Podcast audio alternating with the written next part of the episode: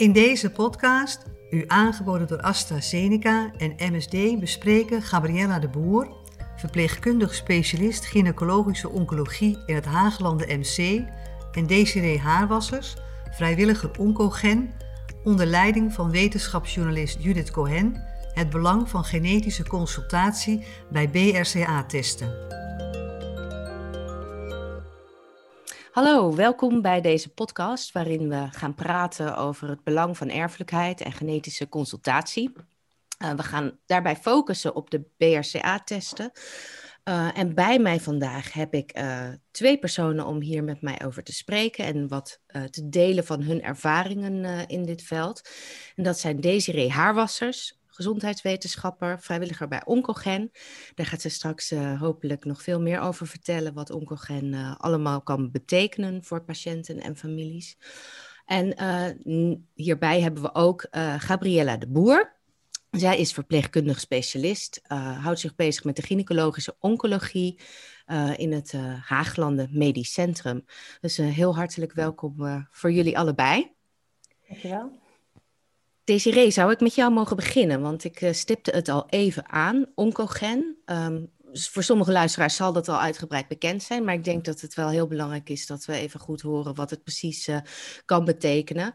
Ik weet het een en ander erover. Hey, jullie verspreiden kennis over erfelijke aanleg. Maar jullie behartigen ook belangen van patiënten en, en hun families. En zorgen voor lotgenootcontacten. Maar ik hoor heel graag van jou vanuit de inside opinie nou ja, uh, ja Oncogen is gestart vanuit de borstkankervereniging.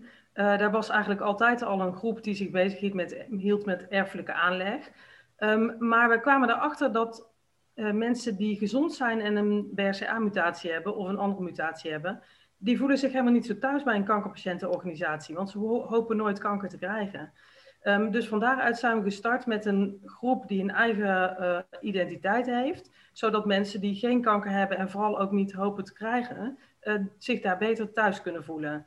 Um, en we zijn een klein clubje, dus als vrijwilligers met uh, nagenoeg geen budget. Dus we proberen te doen wat we kunnen. Um, dat, weet, dat, betekent ook dat we duizend dingen hebben die we niet kunnen doen. Maar wat we wel doen is ons, ons kenbaar maken. We hebben afgelopen jaar een hele actieve campagne gevoerd om artsen met name erop te wijzen van... hé luister, denk goed aan die erfelijke aanleg. Want ja, heeft je oma ooit eierstokkanker gehad? Uh, heb je um, twee ooms die op jonge leeftijd prostaatkanker kregen? Het zijn allemaal van dat soort kleine uh, signaaltjes... Die, ja, die een BRCA-mutatie kunnen uh, signaleren. Dus artsen moeten daar wel aan denken. Uh, en dat heeft, ja, we zijn overal geweest, we hebben overal ons verhaal verteld. We hebben ook aangegeven hoe belangrijk dat is. Dat als je bij een patiënt een BRCA-mutatie vindt, dat relevant is voor zijn of haar uh, dochters, maar ook voor zussen, broers, nou ja, noem het maar op. Het houdt niet op, hè. Zo'n mutatie gaat natuurlijk van generatie op generatie op generatie. Um, en het is jammer om te wachten totdat er weer iemand kanker krijgt. Dat je denkt, oh ja, wacht even, er moest ergens op getest worden. Um, we hebben een besloten Facebookgroep. We hebben meerdere groepen, maar met name één grote groep uh, met 2400 vrouwen. Het is een besloten Facebookgroep. Uh, daar zitten kankerpatiënten, ex-kankerpatiënten en gezonde uh, mensen door elkaar. de focus ligt in die groep wel op um, gezonde mensen. We hebben ook een groep voor kankerpatiënten met een BRCA-mutatie, omdat daar toch weer andere dingen gedeeld worden. en het is een, voor ons een bron van informatie van waar zitten, waar zitten mensen nou mee? Waar hebben ze Waar hebben ze behoefte aan? Wat missen ze? Wat gaat er mis in ziekenhuizen? Wat gaat er heel goed in ziekenhuizen? Dus mensen helpen elkaar en um, ja, we leggen de richtlijn uit, keer op keer op keer. Ja. Uh, alle uh, uh, mythes die blijven bestaan over dat je, als je je laat testen, bijvoorbeeld geen hypotheek meer kunt krijgen, die ontkrachten we keer op keer op keer op keer op keer. Um, Echt de praktische kant ervan. Ja, ja, ja, ja eindeloos. Maar ook, uh, ja, hoe voel je eronder? Hoe, hoe ga je verder als je preventieve operaties hebt gehad? En dan? Nou ja, eindeloos. Hoe vertel je het je kinderen? Ja. Hey, en hoe weten mensen jullie te vinden, Desiree? Um, ze worden er door artsen en verpleegkundigen wel, wel, eens, wel op gewezen. Um, en we hebben, onze Facebookgroep is, is gewoon te vinden. Onze website is ook te vinden. Um, ja, dat is het wel zo'n beetje, denk ik. Ja. Nou, en deze podcast uh, draagt er hopelijk ook nog even aan bij. Ja. Um, Ja, je stipt eigenlijk al een heel belangrijk stuk aan van, uh, van hoe belangrijk het is om een uitslag of de uitkomst van zo'n BRCA-test eh, te hebben, namelijk de erfelijkheid, het belang voor zowel de patiënt die mogelijk ziek is uh, en op die manier in contact komt met die BRCA-test, maar ook alle familieleden. Maar daarnaast is het natuurlijk, heeft het nog veel meer consequenties, een, een BRCA-test. Het is ook uh, vaak bepalend voor de prognose van de patiënt, voor de behandeling van de patiënt. En ook de zorgverlener heeft heel veel aan, het, uh, um, uh, ja, aan de uitkomst van een BRCA-test. Want ja, dat helpt gewoon enorm bij het maken van, van, van beslissingen. Um, maar ook om je patiënt goed te informeren en samen geïnformeerde beslissingen te maken. Ja. Gabriella, hoe, hoe um, zou jij een klein beetje kunnen beschrijven hoe jouw werkzaamheden eruit zien uh, als verpleegkundig specialist op die gynaecologische, oncologische afdeling? En, en in hoeverre jij met, uh, ja, wat jouw ervaringen zijn met BRCA-testen? Maak je het vaak mee? Nou ja, dat kan ik inderdaad iets uh, over vertellen. Um, wij hebben bij ons uh, in het ziekenhuis afgesproken dat de verpleegkundige specialisten best wel van de gynaecologie daar best wel een grote rol in hebben. Um, als een patiënt bij ons binnenkomt hè, als nieuwe patiënt en wordt besproken in het multidisciplinair overleg. en er is hè, bewezen dat het ovariumcarcinoom is, dan vragen wij eigenlijk altijd gelijk al de BSA-mutatie aan. Um, en dat gaat bij ons momenteel gelijk op het tumorweefsel, dus niet in het bloed. Um, dus wij zorgen ook dat er de patholoog geïnformeerd is dat er een genmutatie gedaan moet worden. Dan wordt het materiaal door de patholoog naar het LMC gestuurd en daar vindt die typering plaats. Die uitslag die komt als aanvulling in het pathologieverslag. En wij zorgen dat die uitslag weer bij de voorgeschiedenis en de oncologische voorgeschiedenis in het dossier komt, zodat die inzichtelijk is voor alle specialisten. Nou ja, en iedereen die hem betrokken is bij de patiënt. Zodat als zij naar de internist-oncoloog gaan, dat ook diegene hè, het ziet wat de uitslag is. En voordat we gaan starten, dat we eigenlijk al weten wat de uitslag is. En doen jullie dit bij elke patiënt die dus eh, binnenkomt bij jullie, bij wie jullie eh, een diagnose ovarium? Ja, en als het bijvoorbeeld in de, de voordiagnostiek geen weefsel aanwezig is, hè, dan doen we het bij de operatie, uh, bij de intervaldebulking. En als het plaatsvindt in het HMC, dan doen, hè, dan doen wij dat en anders zorgen we dat het in het LUMC plaatsvindt. Um, en dat gaat dan eigenlijk alleen nog maar over de uitslag. Maar die uitslag moet natuurlijk ook nog terechtkomen bij de patiënt. En daarin hebben wij ook een rol dat we zorgen dat de patiënt geïnformeerd wordt over die uitslag. En vooraf ook ehm, nou ja, mededelen wij dat die bepaling ehm, nou, hoort bij de standaardzorg die we geven voor ovariumcarcinoom. En dus, dat is specifiek een somatische mutatie, hè? Dus ze kijken in het tumorweefsel of die BRCA-mutatie ja. Um, en uh, weten die patiënten ook dat dat gevolgen kan hebben voor hun familie? En hoe gaat dat traject? Ja, we bespreken dat vooraf. En dat er een uitslag komt, eh, dat die inderdaad ook uh, consequenties kan hebben voor de familie. we geven daar ook informatie over mee. En daarin hebben we ook inderdaad die, nou ja, waar ze informatie kunnen vinden. Dus dat is wel een rol die wij doen. En we doen, soms doen die gesprekken samen met de gynaecoloog. Uh, kijk, en als mensen al bij de internist-oncoloog zijn, dan coördineren wij het wel. Want wij houden ook in digitaal in het systeem houden wij bij. Hè, één keer in de maand kijken we welke patiënten die mutatie is ingezet. Checken we of de uitslagen binnen zijn. En zorgen we dat het allemaal verwerkt is ook in het dossier. En worden die mensen dan allemaal standaard doorverwezen naar een klinisch geneticus? Uh, als er een mutatie is, worden ze doorverwezen naar de klinisch geneticus en daar dragen wij ook zorg voor. Maar als bijvoorbeeld in familieanamnese uh, ook belast is, dan worden mensen ook verwezen. Dus het hangt, ja. ja. De mutatie niet vindt, maar wel een belaste familie. Ja, ja. ik, het is natuurlijk altijd moeilijk om over andere ziekenhuizen te spreken. Maar weet je of het ook op andere manieren gebeurt, Gabriella, in het land? nou, kijk, ja. Ja, nou dat klopt. Uh, die richtlijn is van 2015. Um, ehm, en daarin werd, werd echt beschreven dat alle patiënten met ovariumcarcinoom verwezen moesten worden naar een klinisch geneticus. Um, en ik weet dat we in uh, regio West en in uh, regio Zuid wordt er gelijk op de tumor. En dat heeft te maken met een onderzoek wat gelopen heeft. Um, en um, ja, je wil eigenlijk dat dit natuurlijk in heel het land op deze wijze gaat gebeuren. Want hoeveel tijdswinst hebben we het over? de uitslag is binnen drie weken bekend. Maar je, je hoeft natuurlijk, want dan weet je dus gelijk of er een mutatie is. En anders ga je eerst mensen hè, naar de klinisch geneticus, volgt er een counseling.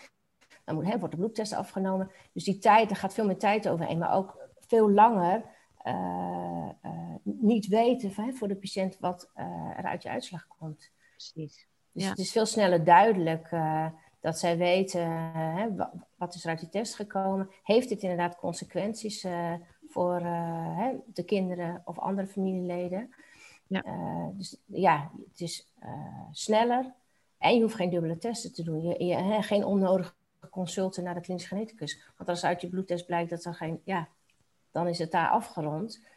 maar nu weet je het gelijk en je hebt je veel minder doorverwijzingen naar klinisch geneticus. Dat is eigenlijk, eigenlijk wat je wil. is het beste van twee werelden. Uh, dat, bij de, dat een tumortest gedaan wordt, dat mensen wel van tevoren weten, goed geïnformeerd zijn wat dat voor gevolgen heeft. Er is net een richtlijncommissie opgestart uh, om te zorgen, om te waarborgen dat dat ook echt gebeurt. Dat mensen echt weten waar ze ja uh, tegen zeggen. Um, en dat dan een tumortest wordt gedaan. En dat als daar een mutatie uitkomt, dat de behandelend arts zelf klinisch genetisch onderzoek opstart. En dat als daar dan ook een kiembaanmutatie uitkomt, dat dan pas het gesprek met de klinisch geneticus plaats gaat vinden. Um, want inderdaad, wat heeft het voor zin om iemand te counselen als de kans helemaal niet groot is dat die, dat die mutatie eruit komt? Is nee. van de tijd van iedereen. Ja, en geeft heel veel onrust ook. Hè? Weet je, uh, niet weten waar je aan toe bent, dat, uh, ja, het is voor de patiënt uh, gewoon helemaal niet fijn, weet je wel. Uh, je, je, maakt je eigenlijk gelijk al ongerust, want je bent eigenlijk zelf hè, zo bezig met je eigen proces. En dan komt deze zorg daar ook nog bij. Dus, en het is voor sommige mensen best al lastig, het hele behandeltraject van het ovariumcarcinoom, hè, met een intervaldebulking, eventueel mogelijk hè, HIPEC in het LMC. Dus het is al best wel een hele complexe behandeling. En dan komt eigenlijk dit er ook nog bij ja, want, ik, want Desiree, ik hoorde jou zeggen van mensen moeten wel echt heel goed geïnformeerd zijn dat op hun eerste tumorweefsel deze test wordt gedaan. Heb jij, uh, heb jij uh, de ervaring dat, dat, uh, ja, dat mensen toch niet helemaal goed voorbereid zijn op wat dat inhoudt? Ja, dat, dat weten we, dat dat op een aantal plaatsen gewoon niet goed genoeg gebeurt. En we weten ook dat het tijd kost voor mensen om te begrijpen wat er nou werkelijk gezegd is. Want inderdaad, vaak zitten mensen in een hectische tijd. Ze hebben al slecht uh, nieuws gehoord dat ze kanker hebben. Um, ja, genen zijn moeilijk te begrijpen voor mensen. Die, dat, ja. dat kost echt moeite. Ja, zeker. Um, hè, je hoort heel vaak in je omgeving zeggen dat uh, bijvoorbeeld tweelingen, ja, dat slaat een generatie over. Maar dat is natuurlijk een hele rare uitspraak, want hoe, hoe zou dat genetisch moeten dan? Ja. Maar mensen snappen dat helemaal niet. Dus uh, ja, het is, het is, best moeilijk om het goed uit te leggen. Um, in een periode waarin er ook een soort van haast is, want het moet ook behandeld worden. Dus we zoeken naar de beste manier om de patiënt ook goed te informeren. Dat hij ook weet waar hij ja tegen zegt. Ja. Um, nou ja, en we, we, maken ons ook wel zorgen. Fijn te horen dat in het, uh, bij jullie in het ziekenhuis daar aandacht is. Voor die mensen bij wie er geen mutatie uit de uh, tumor komt, maar die wel een een belaste familie hebben op de een of andere manier. Hè? Ja. Daar moeten we natuurlijk wel wat mee, want die krijgen ook een advies van de klinisch geneticus van hoe de follow-up uh, eruit zal zien. Ja, absoluut. Ja. Ja, en ik, wat, wat ik mezelf nu zo eh, even te binnen schiet, is, is um, hè, de, de, patiënt die staat op dat moment, uh, net na het slechte nieuws, voor heel veel uh, moeilijke beslissingen. heel veel informatie krijgt hij over zich heen, ja. maar eigenlijk, als je het hebt over een erfelijkheidstraject, uh, beslist hij ook uh, voor de familie. Uh, hè? Datgene wat de patiënt uiteindelijk beslist, wat, wat hij of zij wil, heeft een enorme impact, mogelijkerwijs, op die familie. Hoe zit dat? merken jullie wel eens dat patiënten zich dan schuldig voelen of um, daarmee worstelen? Van moet ik dat dan wel of niet doen? Zouden mijn familieleden dat wel of niet willen weten?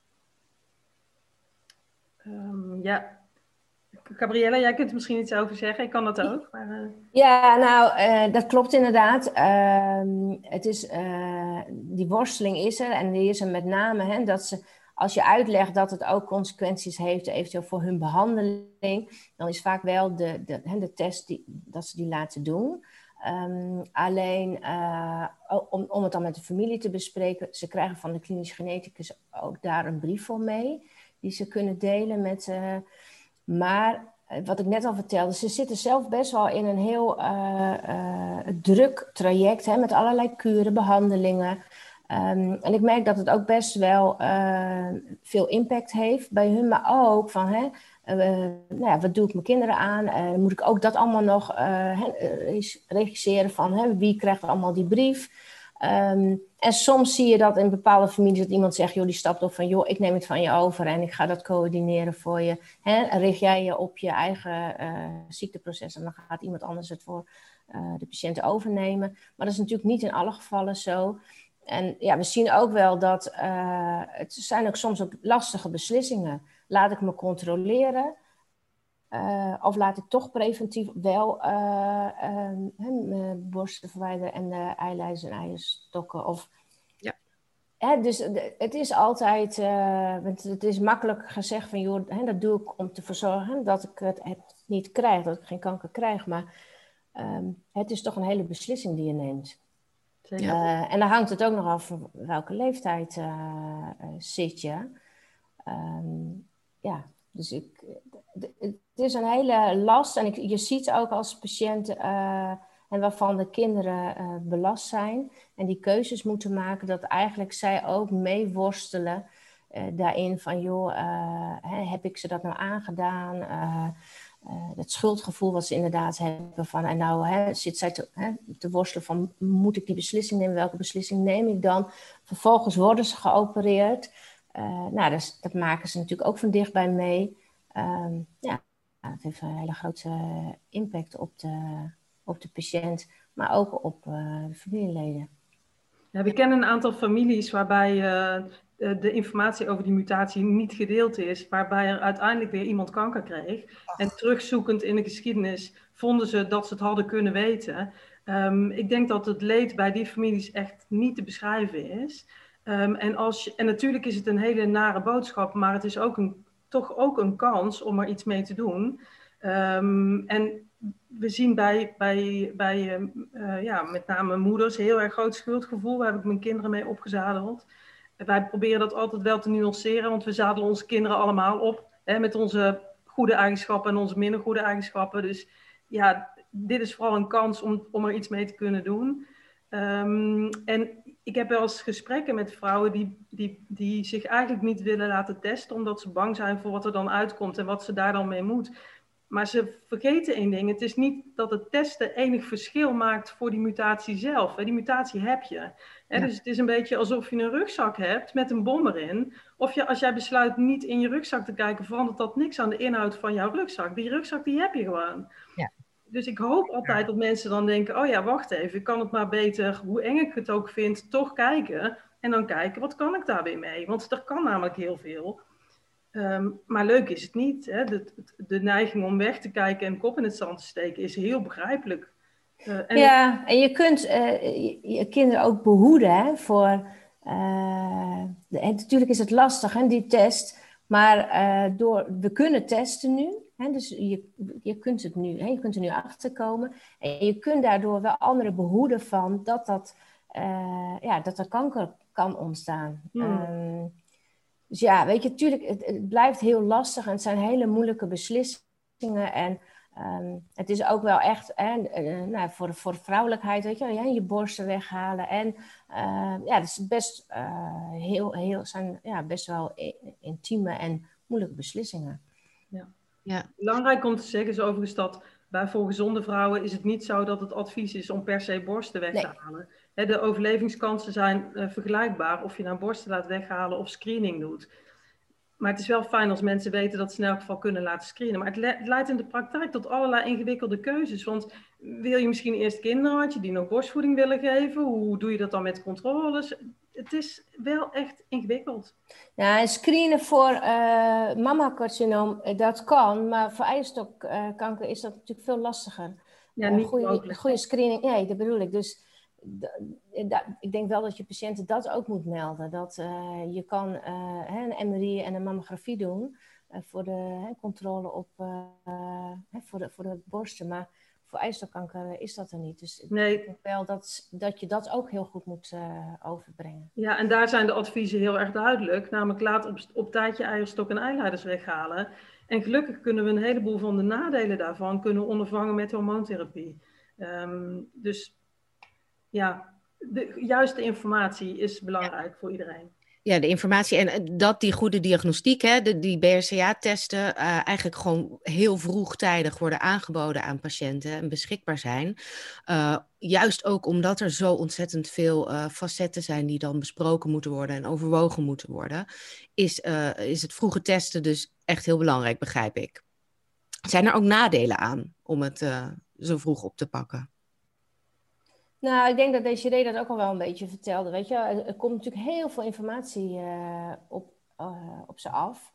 Um, dus uh, is dat een nadeel ook goed is testen of het, het vroeg aanbieden hiervan? Of, Nou, het is, maar je kan je wel voorstellen dat het heel belangrijk is dat je de informatie moet controleren. Is het binnengekomen? Is het begrepen? Uh, want je geeft best heel veel informatie mee. En wij denken altijd dat we, uh, hè, omdat dat je alles meegeeft en ook nog op papier, dat het wel uh, duidelijk is. maar dat is niet altijd het geval. Dus ik denk dat het wel als professional heel belangrijk is om te checken. Um, hè, dat je zo in het vroege stadium daar ook gelijk over begint, dat je wel goed checkt of de informatie goed begrepen is. We willen heel graag dat er loketten komen in, in, uh, elke, in elk ziekenhuis waar gezonde vrouwen met een mutatie naartoe kunnen. Oh. Waar geen traject gevolgd wordt, maar waar ze ook terecht kunnen als tien jaar later ze de vraag hebben: maar hoe ga ik nou mijn kinderen informeren? Hè? Of wat ga ik nou doen met anticonceptiemiddelen? Al dat soort vragen spelen namelijk. Ja, wat een goed idee. En is dat al, is dat al een beetje in ontwikkeling, uh, zoiets? Nee, nog niet. Maar we moeten, we moeten hoop houden en plannen voor de toekomst. Hè? Ja, zeker. Ja. Welke, welke, welke mensen zou je daarvoor samen willen brengen? Dan heb je het denk ik over de klinisch geneticus. Ja, het, betreft, het betreft heel veel uh, specialismen en dat is ook ingewikkeld. Ja. Vaak doen chirurgen doen controles, gynaecologen doen, hebben een belangrijke rol, huisartsen hebben een belangrijke rol, plastic chirurg heeft een belangrijke rol. De ja, internist, oncoloog, ja. ja. Dus het is meteen ook heel heftig qua hoeveelheid zorgverleners voor patiënten. Nou, en ik denk ook nog wel psycholoog of maatschappelijk werk hoor. Want uh, wij verwijzen ook best wel veel uh, vrouwen uh, tijdens het traject naar psychologische ondersteuning. Net als deze zegt, met al die vragen waarmee ze mee worstelen, um, merk je gewoon dat, ja, dat ze gewoon daarbij best wat hulp kunnen gebruiken. Ja, absoluut. Ja. Um, zijn er nog dingen waar jullie uh, tegenaan lopen, Gabriella, als je, uh, als je dit soort consultaties doet en, en, en bezig gaat met vroege BRCA-testen? Zijn er nog dingen die, uh, die, die echt verbeterd kunnen worden? Logistiek of... Um, ja, tuurlijk. Weet je, het is natuurlijk eigenlijk um, ook wel kwetsbaar hè? dat je je test, dat komt allemaal in het dossier, maar het moet wel allemaal handmatig, moet het gecontroleerd worden. En, en wij doen dat nu één keer in de maand, checken we die lijsten. Uh, maar het mooiste zou zijn als dat ja, eigenlijk rechtstreeks in het systeem ergens terecht zou komen. Dat het voor iedereen inzichtelijk is, zodat het niet afhankelijk is van een persoon. En dat het inzichtelijk is van iedereen. Um, daarnaast, um, ja, weet je, ik vind eigenlijk dat het niet uit zou moeten maken naar, hè, dat als patiënt naar welk ziekenhuis je gaat. Het zou geen verschil uit moeten maken. Iedereen zou eigenlijk dezelfde weg. Uh, En als wij nu met elkaar uh, in, in, bepaalde regio's over eens zijn dat dit een betere route is, uh, dan zou eigenlijk in heel de landen zouden we het zo moeten gaan doen? En zou je eigenlijk die richtlijn ook aangepast willen hebben? En die richt, hè, richtlijn is nu van 2015. Ja, misschien moeten we die gewoon toch uh, gaan aanpassen. Zes jaar later, ja. ja. Ja, weet je, en we weten allemaal dat dat uh, vaak uh, niet de snelste... ja, niet altijd snel veranderd is, die richtlijnen. En dat er best wel heel veel tijd overheen gaat. En dan heel veel mensen daar over mee beslissen voordat het definitief een nieuwe richtlijn komt. Maar ik denk, ja, als wij nu zien in de praktijk en ook, hè, um, uh, deze zegt ook van ja, patiënten hè, ervaren het ook. Hè, het is minder belastend, je hebt veel sneller de uitslag. Dan zou je eigenlijk naar willen streven dat dit gewoon in heel de landen ja. op deze wijze gaat. Ja, en dan, en dan ga ik starten met de tumortest. Ja, dat bedoel ik. Ja. En eigenlijk ook dat de specialisten zelf dan het klinisch genetisch onderzoek gaan aanvragen. Mainstreaming noemen ze dat. Ehm, en dat is ook, dat, daar kunnen we ook echt nog wel slagen in maken. Als, als, als we het zo kunnen doen voor heel Nederland, dan zijn wij heel blij. En wat bedoel je dan met dat rechtstreeks het aanvragen van de klinisch geneticus? Net als dat je, dat je um, HB wil weten van iemand, dat je uh, bloedonderzoek laat doen naar de mutatie in het bloed met een druk op de knop. Want eigenlijk kun je dat pre-counseling gesprek bij de klinisch geneticus kun je skippen. Want iedereen wil weten of het dan ook in zijn bloed zit. Um, en dan kun je dat, en dan, als het er dan uitkomt uit het bloed, dan heeft de klinisch geneticus wel tijd voor dat gesprek om te informeren van, goh, wat betekent dat nou? Hoe gaan we je familie informeren? Wat kunnen wij daar, daarin betekenen? Um, ja, het zou tijd, geld en, tijd en geld schelen. Ja. ja. Nou ja, en je hebt de uitslag uh, eerder, um, wat ook uh, het start van eventueel uh, PARP-medicatie. Ja. Ehm, en dus denk ik ook van belang. Ja, nou ik, ik denk dat jullie ontzettend veel hele nuttige tips hebben gegeven voor die regio's waar het misschien nog niet, niet op deze manier is georganiseerd. En dat we daar zeker wel mee vooruit kunnen. Eh, zijn er nog andere dingen waarvan jullie zeggen van nou, dat willen we nog heel graag even onder het voetlicht brengen? Ja, wat voor ons richting het algemene publiek geldt, is dat we natuurlijk eigenlijk uh, heel veel mensen willen attenderen op de mogelijk. Wees alert als, als er in je familie eierstokkanker voorkomt. En dat werd destijds niet getest op erfelijke aanleg. Ga er toch maar even mee naar je huisarts. Ja. Um, want in ongeveer de helft van de families die zijn helemaal niet zo, daar is kanker helemaal niet zo overduidelijk aanwezig. En die hebben toch een BRCA-mutatie. Ja. Als, als een mutatie overgeërfd wordt via de mannelijke kant bijvoorbeeld, dan zie je het helemaal niet echt terug in het aantal kankergevallen. Ja. Um, dus wat mij betreft kunnen we niet uh, goed genoeg in kaart brengen wie er allemaal uh, verhoogd risico heeft op allerlei vormen van kanker. Ja, en jullie hebben daar toch ook een heel handig uh, zakkaartje voor uitgebracht ja, met Oncogen, toch? Klopt, ja. klopt, klopt. Ja. Uh, waar kunnen de mensen dat vinden? Als, uh, op www.oncogen.nl en daar staat een uh, tapje doorvragen. Daarom doorvragen en um, daar kun je het vinden. En ja. we hebben het ook op hardcopy. Dus, ziekenhuizen vragen ze wel eens aan. Ja, en ik denk ook dat het belangrijk is dat uh, de verpleegkundige specialisten, hè, die de patiënten zien, hun ook wijzen op die website dat er ieder is en dat ze daar inderdaad heel veel informatie kunnen vinden. Maar ook, hè, er staan ook heel veel vragen op die, uh, die zij misschien ook hebben, die al beantwoord zijn op die website. Um, en dat je hun daarop wijst dat, hè, dat dat er is. Ja. ja. En er zijn meer mutaties dan BRCA-mutaties. Je hebt ook check-2-mutaties. En je hebt ook syndromen die redelijk zeldzaam zijn, maar wel veel gevolgen hebben. Hè? Dus als mensen een vergroot hoofd hebben bijvoorbeeld, zou dat een teken kunnen zijn van het, van het syndroom van Cowden. Je moet er maar van gehoord hebben. Je, als je er nooit van gehoord hebt, ga je het nooit zien. Dus, nee. Um, ja. nee, we hebben natuurlijk hier in, in, in, in, dit, uh, in dit gesprek heel erg gefocust op de BRCA. Maar het is heel terecht dat je dit nog even aankaart, Desiree. En uh, ja, er zijn gewoon uh, specialisten die hier genoeg van weten en uh, verpleegkundige specialisten die, die hier de weg in kunnen wijzen. Ja, en zet eigenlijk alle professionals die met kanker werken, zet een luikje over erfelijkheid. Ja. Pik ervan mee wat je ermee kunt krijgen zonder dat het je specialisme wordt. Ja, zeker. Ja, ja we gaan ook in, in mei komt er een webinar voor verpleegkundige specialisten voor de oncologie en de gynaecologie. Over de BSA en de PARP-medicatie. wat is jouw rol als VS en welke pak je hierin? en daar zijn verschillende sprekers, een internist, oncoloog, klinisch geneticus, een psycholoog. En ehm, ik ben daarbij samen met nog een VS van de oncologie om ook de bijwerking management te bespreken over de PARP. Nou, dat sluit dus denk... fantastisch aan bij waar we het uh, nu allemaal over hebben gehad. Ja. Mochten mensen dit uh, horen en graag deze webinar volgen, waar kunnen ze het beste kijken?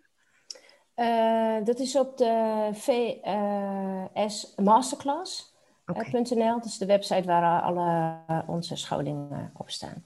Oké. Nou, ik, ik denk dat we heel erg duidelijk naar voren hebben kunnen brengen wat het belang van BRCA-testen is. En eigenlijk uh, de impact die het heeft op heel veel verschillende mensen bij wie, uh, om, om eigenlijk die index die getest wordt heen. En um, ja, ik wil jullie bedanken voor het ja, dit zo onder het voetlicht brengen. Ik denk dat het een heel belangrijk onderwerp is, waar inderdaad nog slagen te maken zijn en winst te behalen valt ja, wat, wat, wat hele grote impact heeft op mensen hun levens. Dus uh, hartelijk dank dat jullie hierover uh, in gesprek wilden treden. Bent u geïnteresseerd in meer podcasts? Deze zijn te vinden op de website oncologie.nu.